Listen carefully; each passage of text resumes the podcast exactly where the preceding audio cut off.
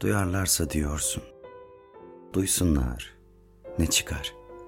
Seven insanın bir suçlu gibi ezik olması neden? Sevmek ve sevilmek hakkımızı kullanıyorsak bundan kime ne? İnsan olarak aşktan başka övünecek neyimiz kaldı? Erdem, yalan söylemek mi? Hırsızlık etmek mi? Katil olmak mı? Yoksa esirleri fırınlarda yakmak mı Erdem? Bir milletin gençliğini savaş meydanlarında yok etmek mi? Yalnız sofular mı erdemli bu dünyada? Çıkarını düşünenler mi namuslu? Aşka saygı duymayanlar utansın yaşadıklarını. Sevenler değil. Görürlerse diyorsun. Oysa ki kimse görmeyecek seninle seviştiğimizi.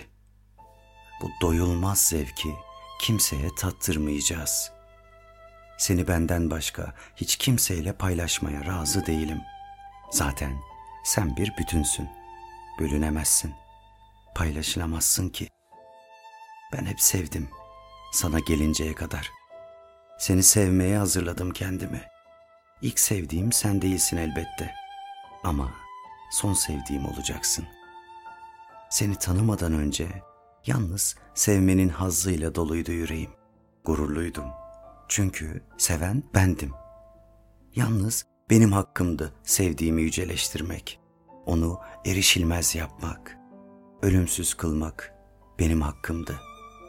Sevildiğimi, hele senin tarafından sevildiğimi anladığım anda gururum yok oldu. Aşkının büyüklüğü karşısında eridiğimi hissettim. Anlarlarsa diyorsun. Anlasınlar. Umurumda değil. Keşke anlayabilseler. Herkesin seni olduğun yerde görmesini, bilmesini isterdim. Ben sende yaşamanın kavramını buldum. İç aleminin sonsuz hazinelerini önüme serdiğin zaman anladım yaşadığımı. Güzelliğinin manyetik alanından dışarıya çıkamaz oldun. Hiçbir şeyden çekinme artık. Bak, şimdi seninle vardığımız o yerde kimseler yok.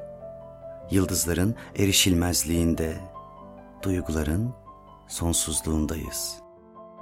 Zamanı aştık. En güzeli kendimizi aştık seninle. Onun için şimdi ilk defa beni sevmek hakkını sana tanıyorum. Anla seni ne kadar sevdiğimi.''